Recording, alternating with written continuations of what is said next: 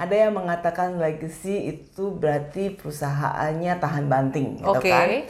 Menghadapi beratus-ratus krisis, eh, tantangan dan tetap masih hidup. Berarti kan produknya dan servisnya baik. Yes.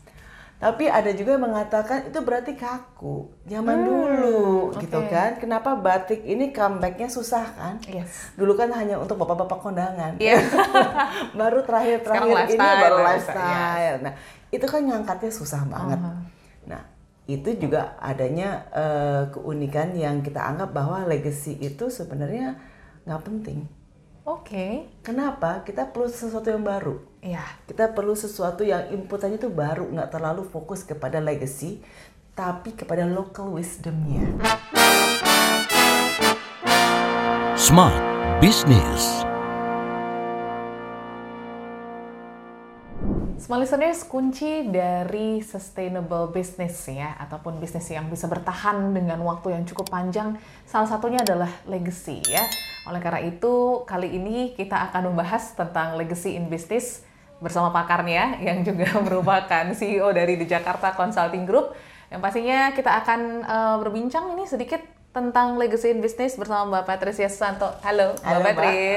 Apa kabar? Baik, ini kita berbatik banget ya. Iya, kita bicara tentang legacy gitu Yes, kan, kita jadi- bicara tentang batik heritage juga. banget gitu. warisan legacy gitu ya yang harus diturunkan tapi eh, mungkin kita back to basic dulu mbak Petris sepenting apa sebenarnya legacy dalam sebuah bisnis Nah, itu sebenarnya pertanyaan yang belum bisa terjawab.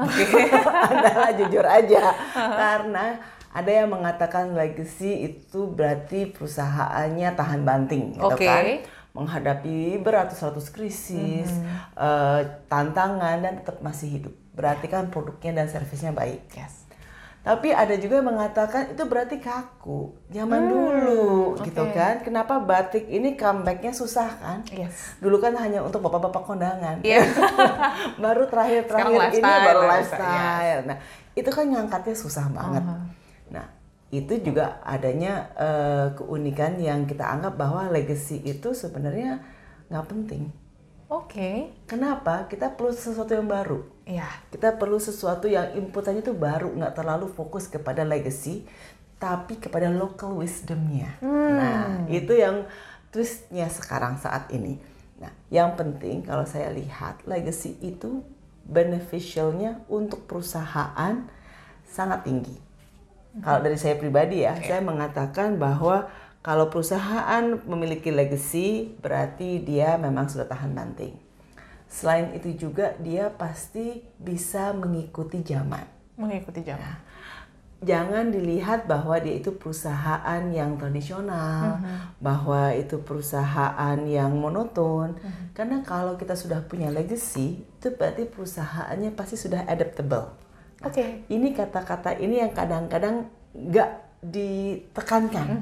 Yang ditekankan adalah saya sudah berdiri berapa ratus tahun gitu kan.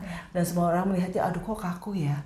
Karena kalau perusahaan yang sudah berdiri ratusan tahun atau puluhan tahun, biasanya kantornya juga kaku.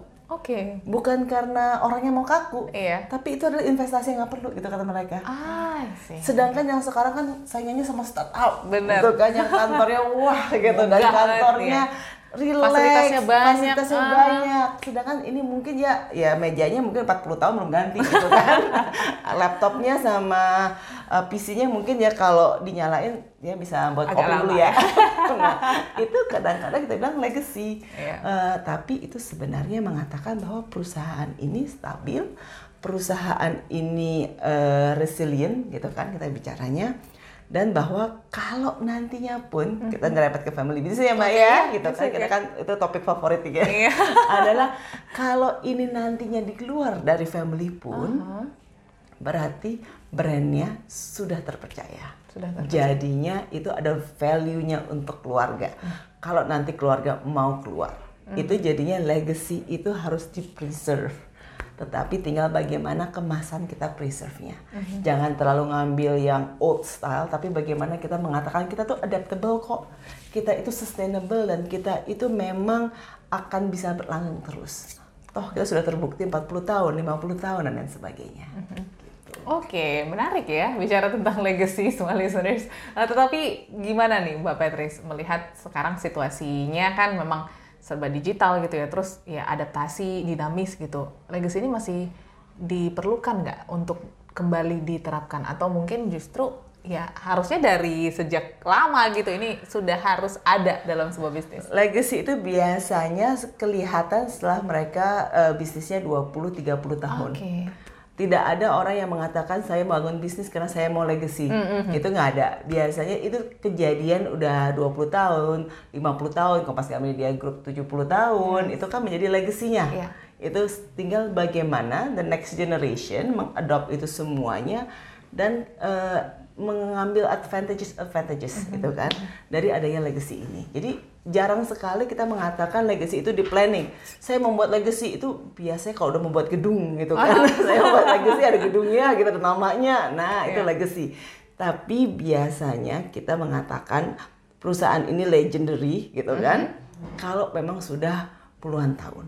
Dan waktu dia bangunnya mungkin dia nggak merasakan harus menjadi legend legendary, tapi sekarang bagaimana next generation bisa mm, take an advantage. Jadi ini kayak dikasih kado Iya, sebenarnya. iya, iya. Kayak Yang dikasih baru kado dibuka gratis nih, tahun udah dibuka ya, nih, ha? tinggal kalian lakukan. Oke. Nah, saya udah punya historinya. Biasanya legendary ini, eh, legacy ini punya founder-founder yang luar biasa hebatnya Iya. yang memang mereka sendiri juga legend gitu kan. Nah, itu mem- membuat perusahaan mempunyai legacy yang luar biasa. Mhm. Oke, kalau orang mungkin dikasih kado seneng gitu ya Mbak Petris. Tapi kalau bicara tentang kado seperti ini kayaknya agak beban gitu ya.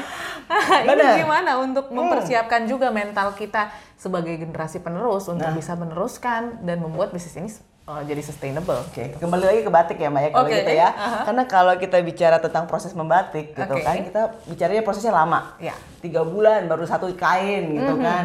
Kita bicara tentang adaptable tiga bulan udah keburu pindah kerjaan ya anak-anak sekarang. Nah itu kan kenapa sekarang banyak batik print, Yes. batik eh, cap dan lain sebagainya. Ada yang digital printing malahan. Nah tapi kenapa batik itu bisa menjadi eh, apa namanya lifestyle Tetap, tadi aha. kan?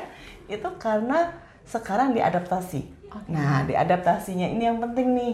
Bagaimana jadi kita modern, dicampur nih. Ini kan eh, apa namanya parang itu dicampur kan. Yes. Nah, itu Kombinasi. bagaimana kombinasi-kombinasi itu menjadi adaptable. Bagaimana teknologi membuat kita yang tadinya lama gitu kan, prosesnya lama, tapi kita mau mengambil bukan hanya eh, motifnya, tetapi kita juga mau mengambil apa tuh namanya em, ininya apa tuh eh, pemikiran-pemikiran batiknya. Ba- bahwa batik itu digunakan untuk acara-acara yang spesial Yes. bahwa batik itu adalah punya filosofi-filosofi yang sangat indah. Mhm. Nah, itu kenapa kalau kita lihat kalau bisa kita punya batik kita nggak pakai parang semuanya kalau bisa batik kawung gitu Oke, kan. yes. Itu biar kita kalau pakai batik itu dapat duit terus gitu kan. itu kan koin kan kalau Iya. kawung itu kan koin. Terus ada yang tebar uyah gitu. Itu kan juga untuk apa tuh eh, tebar eh, apa eh, beras gitu. Yes. Nah, itu kan untuk kemakmuran, Rezeki. nah untuk rezeki. Itu yang filosofinya Mhm. yang harusnya dipahami sehingga legacy tadi bisa teradaptasi. Nah, itu akan menarik dan itu biasanya kalau saya lihat saat ini Mhm. generasi yang sekarang udah mulai nih kembali lagi nih mengaduk-ngaduk historis kita. Yes. Saya melihat film-film sekarang juga canggih-canggih ya film Banget, Indonesia dengan CGI yang luar biasa nggak kalah sama Marvel gitu Iya. kan. Nah, dengan topiknya adalah memang eh, cerita rakyat Sejarah gitu ya. Nah, sejarah. Nah, itu yang menjadi uh, legacy ini menjadi uh, sangat menjadi tadi itu kado. Mhm. Kado memang berat. Kado istimewa ya. Kado yang berat tapi ya bisa tuh. gitu. Oke, dan eh, ini gimana nih untuk untuk kita para generasi penerus ya Mbak Eh, bisa apa ya melihat ini juga nggak sebagai beban gitu, sebagai sesuatu yang bisa juga diteruskan untuk ke generasi berikutnya gitu, karena kan yang yang mungkin akan meneruskan ada lagi nih generasi ke depannya gitu. Ini seperti apa untuk mempersiapkannya Mbak ke depan? Diceritakan. Diceritakan. Diceritakan. Oke. Ya, paling susah kan menceritakan keberhasilan kita. Ya. Bisa juga menceritakan kegagalan karena Hmm. kalau keberhasilan tuh ceritanya boring ya. kalau ups and gagal down ya. kalau gagal tuh kayaknya ceritanya seru banget gitu Iya. kan. Nah, eh, kalau di media kan bad news is good news gitu Yes. kan. Nah, itu diceritakan bagaimana legacy ini yang tadinya gagal yang kemudian bangkit lagi, gagal lagi, pasti ups and down-nya ada. Nah, itu diceritakan. Hanya dengan storytelling itu generasi berikutnya paham dan mau. Dia pasti ada ide-ide. Nah, jangan menutup diri juga dengan ide-ide baru. Kalau dikombinasikan dengan ini, uh, dikombinasikan dengan teknologi, dikombinasikan dengan hal-hal digital, dimasukkan filosofi yang lain, terbuka saja. Itu baru nanti kita bisa mendapatkan buy-in dari next generation ya. Mhm. Oke, berarti dibutuhkan juga apa ya open minded gitu ya dan juga untuk mengcombine apa yang sudah dibawa dari sejak Betul. dulu. Ini gimana untuk Saya rasa itu bukan menjadi issues. Oke. Karena kalau perusahaan udah puluhan tahun pasti open minded. Ah, I see, Jadi oke. jarang sekali perusahaan yang puluhan tahun terus dia close minded saya mau begini aja. Iya, iya, iya. Ya ada, tapi berarti perusahaannya begitu-begitu aja gitu kan atau mungkin malah turun. Kalau perusahaannya naik pasti dia sudah open minded so is that's not an issue. The issue biasanya adalah next generationnya. Berani nggak ngambil alih, berani nggak? Karena tadi itu foundersnya biasanya sangat legendary juga. Mhm, bebannya. takut gitu bebannya tuh takut karena mereka mereka memang orang-orang besar. Iya. nah bebannya itu yang berat. Tinggal next generation harus uh, mau mengambil tantangan tersebut. Mhm, Dan juga mungkin sejak dini banget ya Mbak Petris ya. Betul. Harus diperkenalkan. Karena kan sekarang juga banyak yang sudah eh, saya nggak mau deh. Iya. sudah goyah yang yang keren deh startup deh gitu kan. Betul, betul. Ini eh, challenge tersendiri ya berarti itu ya. challenge tersendiri nanti kita punya topik tersendiri itu Yes. panjang itu yang itu kayak topiknya panjang itu nanti Iya, jadi kalau misalnya small listeners mau dibahas gitu ya topik eh, seputaran eh, mungkin lintas sektor bisnis gitu ya eh, di next generation atau mungkin ada topik-topik lain seputar family business ataupun bisnis lainnya yang mau kita bahas ya bersama Mbak Patrice, boleh di komen di channel YouTube kita ataupun DM melalui Instagram kami di Smart FM 959 gitu ya. Semoga perbincangan hari ini ya ini juga bisa menginspirasi Anda. So, terima kasih Mbak Patrice. terima kasih mas Yes, sehat selalu. Kita akan jumpa di next episode. Sampai jumpa. Sehat selalu untuk Anda. Smart Business. Lead you better.